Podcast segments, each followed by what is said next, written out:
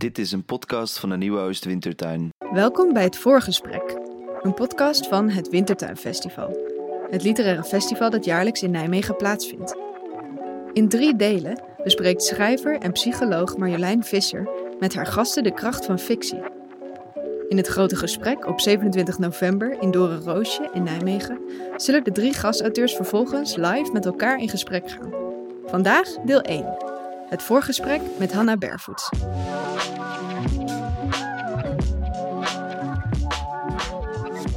Ja, hallo. Mijn naam is Marjolein Visser en voor de reeks Fictie als gids spreek ik in de aanloop naar het Wintertuinfestival in drie voorgesprekken met drie schrijvers met drie verschillende specialiteiten. Schrijver en cultuurhistoricus David van Rijbroek, vooral bekend om zijn literaire non-fictie. Schrijver en filosoof Connie Palme, vooral bekend om haar fictie gebaseerd op waargebeurde events en bestaande personen. Maar we trappen deze reeks af met een schrijver met een, nou ja, een andere specialiteit, eigenlijk heel veel specia specialiteiten. Hannah Barefoot, zij studeerde media, cultuur, journalistiek en research. Ze publiceerde recensies, essays uh, en ook prachtige columns in Volkskrant Magazine. Maar we kennen haar vooral van haar fictie. Tenminste, ik ken haar vooral van haar fictie, zoals ik me die als kind voorstelde. Ze maakt hele rijke werelden met veel fantasie waarin van alles mogelijk is. Ze schreef romans, maar ook bijzondere toneelstukken, eh, bijvoorbeeld over de effecten van het gebruik van nieuwe technologieën. Voor haar werk ontving zij onder meer de Opzij Literatuurprijs en de Frans Kellendonkprijs en afgelopen jaar schreef zij het Boekenweekgeschenk. Ik ben vereerd om je te spreken, Hanna Bervoets. Ah, dankjewel. Heel leuk om je te spreken vandaag. En ik zou heel graag in dit voorgesprek met je uh, praten, of eigenlijk samen uitzoeken waarom jij zo veel fictie schrijft.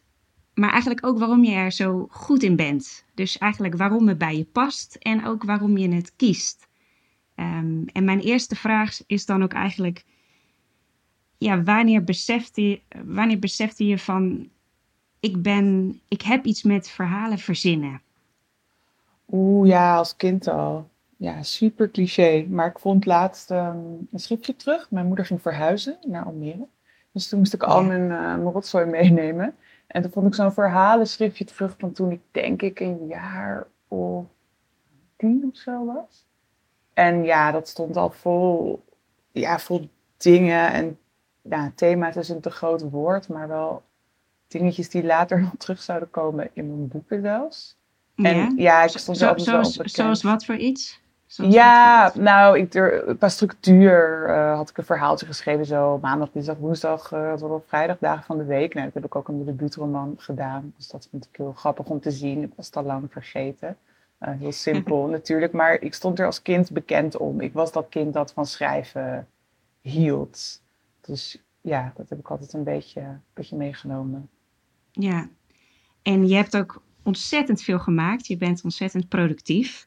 Ook op gebied van non-fictie, bijvoorbeeld door je zeer bijzondere columns. Ik bedoel, je kan dus ook iets anders. Toch kies je vaak uh, voor fictie. Waarom is dat, denk je? Ja, nou, ik heb er natuurlijk over nagedacht voor dit gesprek ook. En toch voelt het niet echt als een keuze, omdat ik nooit momenten heb waarop ik echt ga zitten nadenken: oké, ga ik fictie maken, ga ik non-fictie maken of ga ik autofictie maken? Het is voor mij echt een vanzelfsprekendheid. Dus ik heb ook niet echt argumenten zoals je zou hebben wanneer je getwijfeld hebt. Van, oh, zal ik dit doen, zal ik dat doen, wat zijn de voor's en tegens? Die heb ik eigenlijk niet. Wel toen ik, um, ik heb ook, eh, zoals je al zei, een master research en journalistiek gedaan. En toen heb ik ook een jaar lang uh, gefreelanced voor verschillende bladen, waaronder het Volkskrant Magazine, waarvoor ik niet alleen columns schreef, maar ook lange reportages, waarin ik dan graag, uh, ja, quote-unquote literaire technieken um, gebruikte. Dus op een gegeven moment heb ik er wel voor gekozen om uh, me meer op boeken te gaan richten. Maar dat die boeken fictie zouden zijn, ja, dat was eigenlijk een vanzelfsprekendheid. Het was dus meer een keuze, ga ik me nou volledig op die boeken storten of blijf ik nog uh, ook in de journalistiek werkzaam? Dus ik zag het non-fictie altijd voor me in de vorm van echt een artikel, een kort, kort verhaal. Maar uiteindelijk heb ik voor de boeken gekozen. En de roman omdat ik een beetje lui ben. En uh, niet van research hou. Of nou, ik hou wel van research, maar ik, ik, hou niet van uh, mensen bellen. Dat was ook altijd een probleem in mijn journalistieke opleiding. Heel erg belangst. Dat je dan zomaar moet bellen. En dat je afhankelijk bent voor je informatie van andere partijen. En ja, bij fictie mag je alles zelf verzinnen. Wat niet betekent dat ik helemaal geen research doe. Maar ja, daar ben je veel onafhankelijker en vrijer in. Dus je zou zeggen een hang naar onafhankelijkheid. Maar je zou dus ook kunnen zeggen een voorkeur voor luiheid. Toch zie ik, als ik denk aan het woord luiheid, niet direct jou voor me, moet ik zeggen. Maar laten we een voorbeeld nemen waar volgens mij research niet per se nodig zou zijn. Dan zou ik daar benieuwd naar zijn. Het boek uh, Welkom in het Rijk der Zieken heb je geschreven. Ja. Een heel bijzonder uh, mooi boek over een man met het Q-koorts vermoeidheidssyndroom met veel symboliek daarin. Uh, nu heb jij zelf EDS, een chronische ziekte, een bindweefselaandoening, als ik het goed zeg. Ja, ja, ik noem het zelf geen ziekte, omdat ik bij ziekte denk ik meer iets aan wat je treft van buitenaf, een bacterie of een virus. Maar het, is, het komt voort uit een genetische afwijking. Dus het is een bouwfoutje. Ik ben ermee geboren. Dus ik zeg inderdaad aandoening. Ja, ja precies. En uh, jij hebt daar op dagelijkse basis uh, last van. Uh, je ervaart daar pijn van. En dat, dat, dat lees je ook terug in het boek, maar dan bij een man met Q-koorts vermoeidheidssyndroom. Waarom is de belangrijkste persoon in dat boek heet hij niet Hanna? En gaat het niet over jouw eigen leven, maar heb je dat in een fictievorm gegoten? Ja, ik denk wat ik wilde doen met het boek was een boek schrijven over het thema chronisch ziek zijn.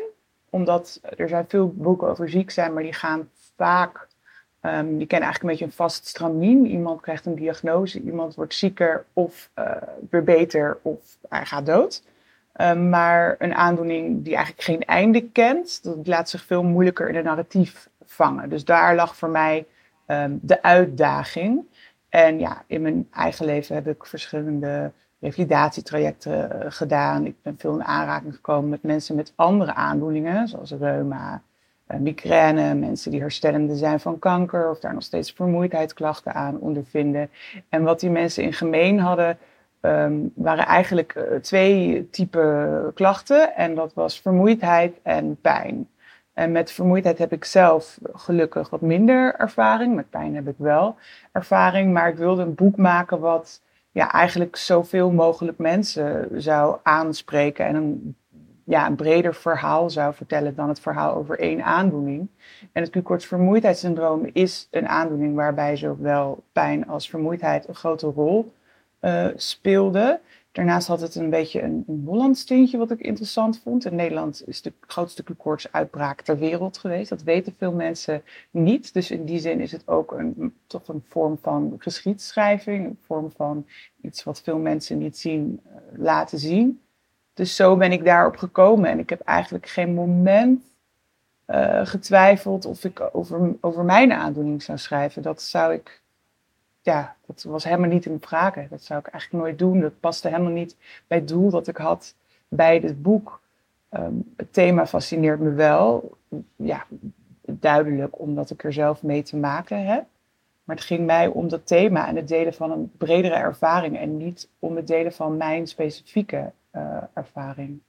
Het is grappig dat je dit zegt, want in een modern verlangen dat ik deze week ook las en ook in wat wij zagen, worden er heel erg veel, worden er ook heel veel uh, personages opgevoerd. Omdat je zegt hè, dat dat breder gedragen is, dat vind ik belangrijk. En wat me opviel in die twee boeken is dat de personages die je aandraagt zich vaak uh, op een bepaalde manier alleen lijken te voelen. Uh, soms moeilijk contact maken of niet precies het contact kunnen maken dat ze willen. En toen dacht ik, het lijkt ook alsof jij een soort empathisch schrijfdoel hebt. Namelijk alsof jij het voor ze wil doen of zoiets. Oh, grappig. Herken je daarin? Of was dit um, gewoon een. Uh... Ja, wel dat empathische. Dat herken ik heel erg. En ik ben ook blij dat je het zegt. Want ja, iedereen haalt uit een roman wat hij zelf wil. En dat is ook geweldig. Maar vaak, soms zijn er mensen die denken dat ik een beetje gniffel om een personage. Of dat ik het, dat ik, dat ik ze cynisch neerzet of ironisch uh, zelf. Waar, wat ik dan interpreteer als dat ik ze belachelijk maak. Terwijl dat bedoelen mensen misschien helemaal niet. Maar dat raakt me dan wel omdat ik bijna altijd heel erg hou van mijn personages. En ik wil ze begrijpen. En ik wil dat mijn lezers ze gaan begrijpen. En ook al doen ze misschien, maken ze misschien verkeerde keuzes. Um, dat de lezer ook die keuzes begrijpt en misschien een beetje van ze gaat houden. En als ze dan niet van ze gaat houden, tenminste over ze na gaan denken. Ja, ja. En ik kan me ook voorstellen dat, zeker in vergelijking met non-fictie, waarin je mensen, uh, andere mensen, bestaande personen erbij haalt, of fictie gebaseerd op, op, op echte mensen of waar gebeurde uh, events, um, kan ik me voorstellen dat je bij fictie ook de controle wat meer zelf in handen houdt. Heeft, speelt dat nog een rol in je werk? Dat je denkt, het gaat niet over mij, het gaat eigenlijk niet over iemand, dat je dat altijd als een soort disclaimer kunt gebruiken? Of speelt dat helemaal geen rol? Nou, het is meer verstoppen, denk ik. Want ik denk eigenlijk dat, ja, autobiografische fictie, tenminste fictie die zo wordt genoemd, en dan wat ik maak, ik denk eigenlijk eerder dat dat een soort twee eigen tweelingen zijn en niet per se negatieve van elkaar. Dus ik denk eigenlijk dat ja, iemand als Connie dan, die ook in deze reeks zit, schrijver die ik enorm bewonder, dat hij helemaal niet iets heel anders doet dan ik, maar ik verstop me misschien iets meer achter personages. Maar uiteindelijk ja, zijn er zat personages die ongeveer denken hoe ik denk. Niet allemaal. Um, maar ja, en, en, er zitten zat dingen in die ik ook meegemaakt heb. Er zitten mhm. gebeurtenissen in. Um, maar die ontleding dan vaker, bijvoorbeeld epidemie heeft ook natuurlijk, die is gewoon gebeurd. Maar goed, dat is dan niet iets wat ik heb meegemaakt, maar wel iets wat een ware gebeurtenis is. Ja, in, in, in het Boekenweekgeschenk, de hoofdpersoon Kelly is ook een jonge vrouw, net als jij, met een relatie met een andere vrouw, bijvoorbeeld. Uh, er zijn soms gelijkenissen dat ik denk, nou, misschien. Ja, zeker. Kelly is al tien jaar jonger, maar voor Kelly heb ik wel aan mezelf gedacht als puber. Ik vind Kelly heel onvolwassen in haar emotionele leven. En dat was ik dan, nou, toen ik 18 was of zo. Dus inderdaad heb ik daar zeker dingen van mezelf in gestopt. Maar ook uh, boek als Ivanov heeft ook een mannelijke hoofdpersoon, maar wel een homoseksuele man. Ja, we delen onze geaardheid. Dus je deelt toch iets met het personage. En dat, daar, dat zoek ik altijd wel op. Ik heb eigenlijk in ik-boeken die ik heb geschreven, en ik bedoel de boeken in de ik-vorm, misschien zeg ik niet dat het waar door meneer Van Graven, maar heb ik volgens mij zelden echt iemand opgevoerd die, die ik niet begrijp. Want er, soms dan, dan lees ik wel eens iemand over ja, waar, die ik niet begrijp. In het echt bedoel ik gewoon in de krant. Want die zegt dit en dit. En ik, ik begrijp het eigenlijk niet. Als ik het niet begrijp, dan zou ik het ook moeilijk vinden om erover te schrijven. Ja. Dan, ehm, dan heb je wel ook begrip voor heel veel verschillende mensen. Want je voert daar heel veel op. Um, in, maar in al die boeken die ik van je heb gelezen afgelopen tijd. En wat mij opviel uh, is bijvoorbeeld in een modern verlangen. Voor de, de luisteraars die het niet kennen, dat is een, het bevat uh, verschillende verhalen, dat boek. Um, en wat me opviel over dat verstoppen, wat je net zei, uh, dat, dat de personages vaak uh, zeer veel gevoel overbrengen, uh, dat er veel passie is. Dus soms is het ook lyrisch en, en grappig en je voelt echt van, nou, dit is heel direct uit het hart. En nadat ik dat heb gelezen en ook nadat ik jouw boekenweekgeschenk heb gelezen, daarna zag ik pas voor het eerst interviews met jou. En toen was je heel anders dan ik had verwacht. Oh, dat nadat is leuk. ik je werk had gelezen. Um, je kwam in het echt op mij. Ik ben natuurlijk ook maar één persoon, maar wat meer verlegen over dan ze. En ook uh, je overdacht uh, vaak je antwoorden. Volgens mij doe je dat nu ook. Je bent, ja, je bent echt bewust om het goed uh, te doen. En ik ik dacht ook eventjes bij mezelf van, is dat fictie schrijven voor jou ook niet een soort vrijplaats om die andere kant van jezelf ja, los te laten of zoiets? Oh, ik zie dat helemaal niet als een andere kant. Nee? Ik ben ook geloof ik niet zo heel verlegen, maar um, wel inderdaad um, doordacht en analytisch. Maar ja, veel van mijn personages volgens mij ook wel. Dus ik zie eigenlijk. Nou, ik ben wel blij dat je het zegt, want ik denk altijd, ja, ze, ze lijken ze niet te veel op mij, lijken ze niet te veel op elkaar. Maar dat valt dus van mee.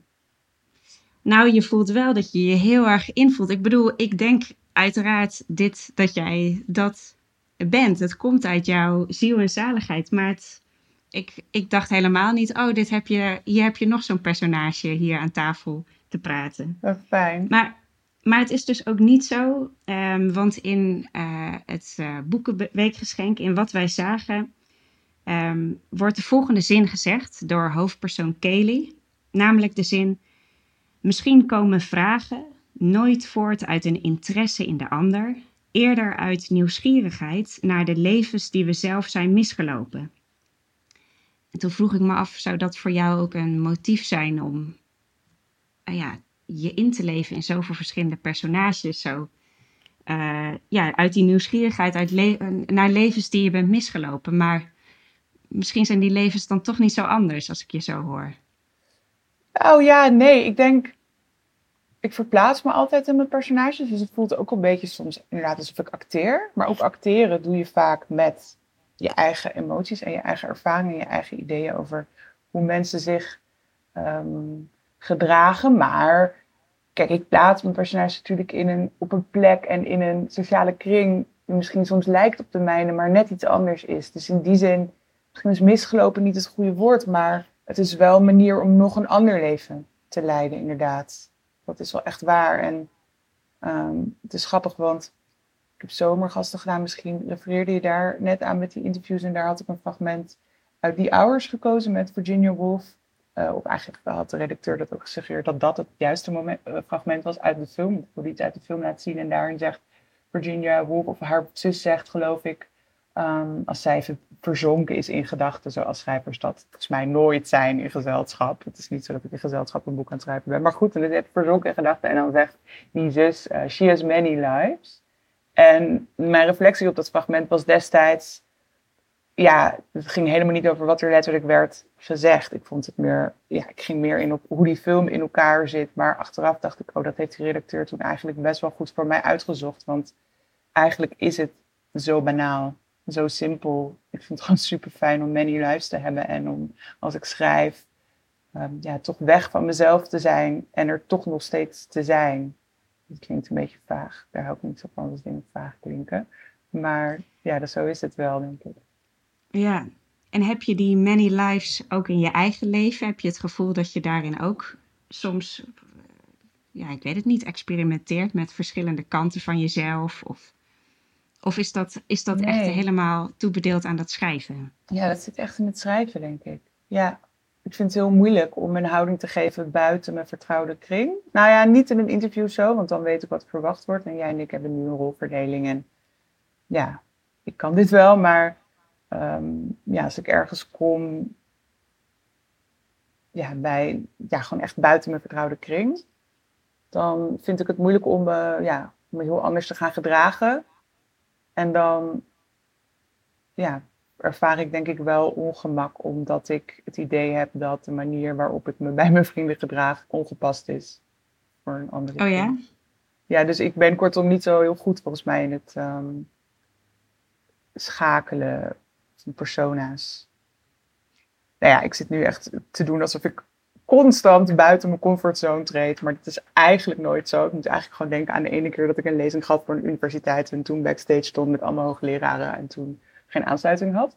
Um, maar je vroeg van of ik experimenteerde met rollen spelen. En dat doe ik zeker niet bewust. Dat vind ik best wel moeilijk. Ja, ja. Je hebt ooit eens gezegd: een verhaal is altijd het resultaat van wie je bent.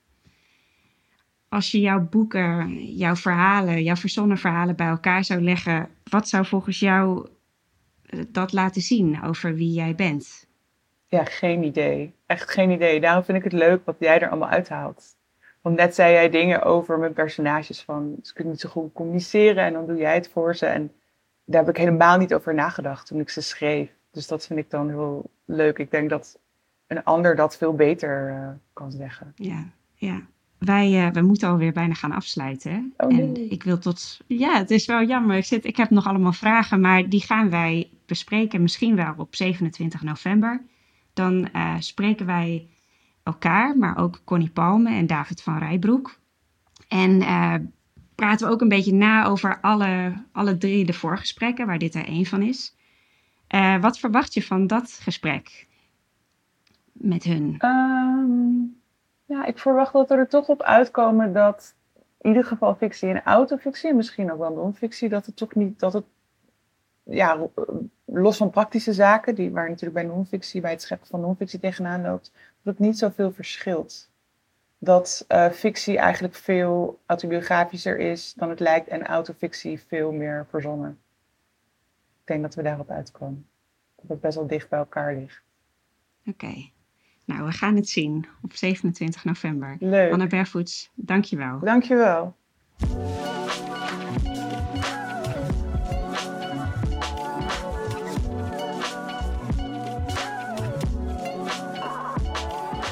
Dank voor het luisteren naar het voorgesprek met Hanna Bervoets.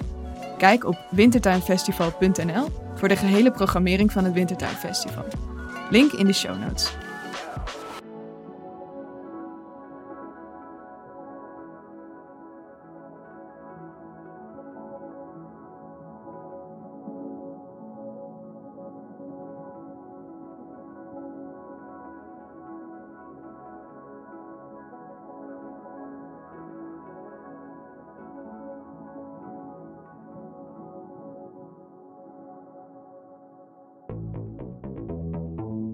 Dit was een podcast van de Nieuwe Oostwintertuin.